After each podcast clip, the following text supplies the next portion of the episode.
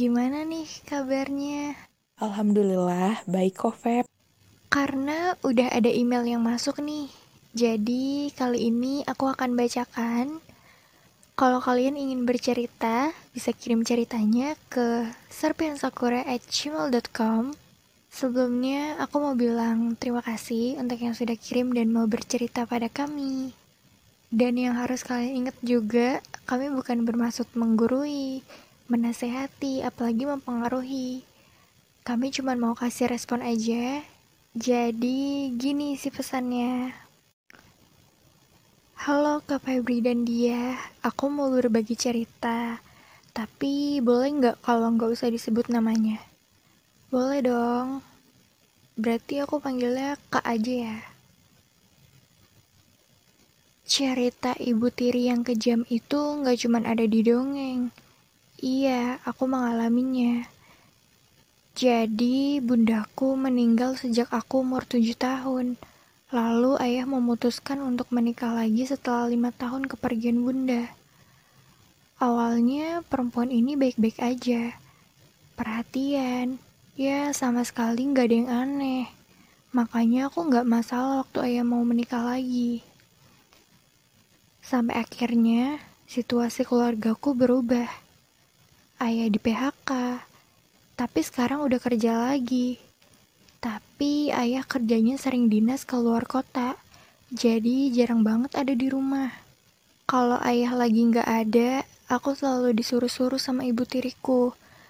Ngerjain semua pekerjaan rumah kayak babu. Selalu jagain dan bantu adik. Adik tiri sih, anak dia. Sedangkan ibu tuh santai-santai, nonton, main HP terus. Udah kayak nyonya besar. Aku sering banget dibentak, dipukul. Aku juga pernah dijambak, diseret ke kamar mandi dan disiram kalau aku nggak mau apa yang dia suruh. Aku kan kuliah dan kerja part-time. Kerja supaya mengurangi waktu berada di rumah. Kalau pulang udah malam, kadang capek sampai rumah kan pengennya istirahat. Tapi tuh nggak bisa selalu disuruh ini itu. Kalau pulang telat, aku dikunciin. Kelakuan ibu tiriku benar-benar buat aku nggak betah di rumah. Sampai aku pernah kepikiran mau kabur dari rumah. Tapi nggak aku lakukan karena nggak mau bikin ayah khawatir. Aku selalu ceritakan ke ayah soal kelakuan ibu tiriku, tapi ayah malah belain dia. Ayah bilang wajar bantu ibu, tapi kalau semuanya aku yang ngerjain dia nggak ngapa-ngapain apa itu namanya bantu?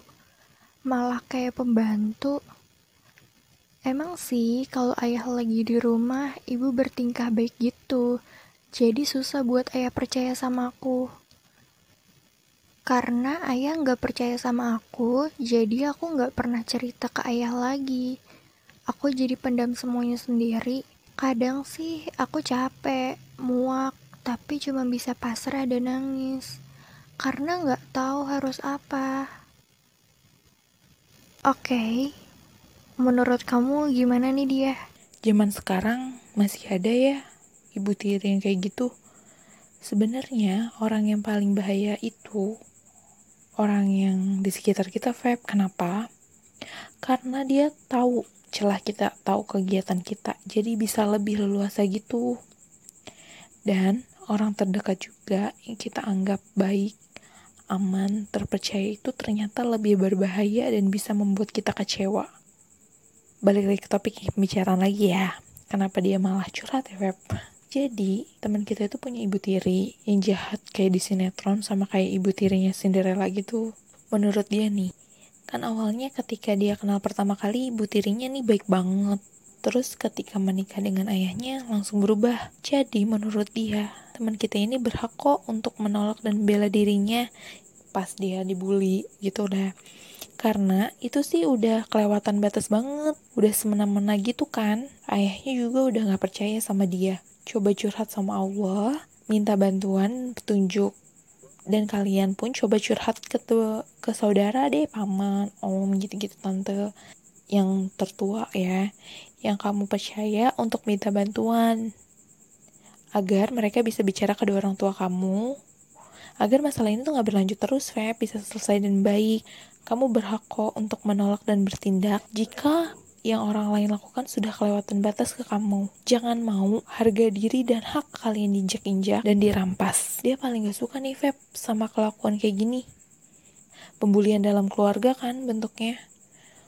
Tuh kan dia tuh suka emosi kalau kayak gini-gini pembulian-pembulian. Dan jika kalian berada di posisi seperti ini, kalian juga harus minta bantuan ke orang yang kalian percaya agar bisa membantu menyelesaikan masalah dengan cepat dan gak berlanjut nantinya. Di lingkungan pertemanan atau kerja, jika toksis aja gak sehat kan? Apalagi di lingkungan keluarga. Jadi kalian harus bisa bersikap ya agar lingkungan yang ada di sekitar kalian tuh sehat baik nyaman. Oke okay, kalau menurut aku sih gini. Melakukan pekerjaan rumah, disuruh ini, disuruh itu sama ibu, hampir semua anak perempuan pasti merasakannya. Biasanya ibu melakukan hal-hal seperti itu supaya anaknya nggak jadi anak yang manja. Supaya kamu bisa membersihkan dan merawat rumah yang nantinya kamu jadi nggak bingung ketika ibu atau pembantu nggak ada. Bahkan bisa jadi bekal saat kamu udah menjadi ibu rumah tangga. Dan sebenarnya nggak cuma anak perempuan sih, anak laki-laki juga bisa kok disuruh-suruh kalau emang ibunya nggak punya anak perempuan. Jadi menurutku itu hal yang wajar. Tapi di sini kamu bilang kamu dipukul, diseret, dan hal itu yang bikin jadi nggak wajar karena itu kekerasan. Ibu tiri dan ibu kandung rasanya memang pasti berbeda karena mereka manusia yang berbeda. Sifatnya pun pasti berbeda. Walaupun nggak semua ibu tiri itu jahat, ada juga ibu tiri yang baik. Ada kan ibu tiri yang justru membuat anaknya jadi lebih baik dari sebelumnya. Bahkan ada juga yang membuat si anak malah jadi lebih sayang sama ibu tirinya daripada ibu kandungnya.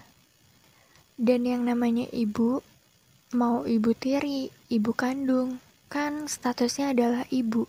Yang memang harus kita hormati ya, karena mau bagaimanapun dia, seburuk apa pun kelakuannya, tetap ibu.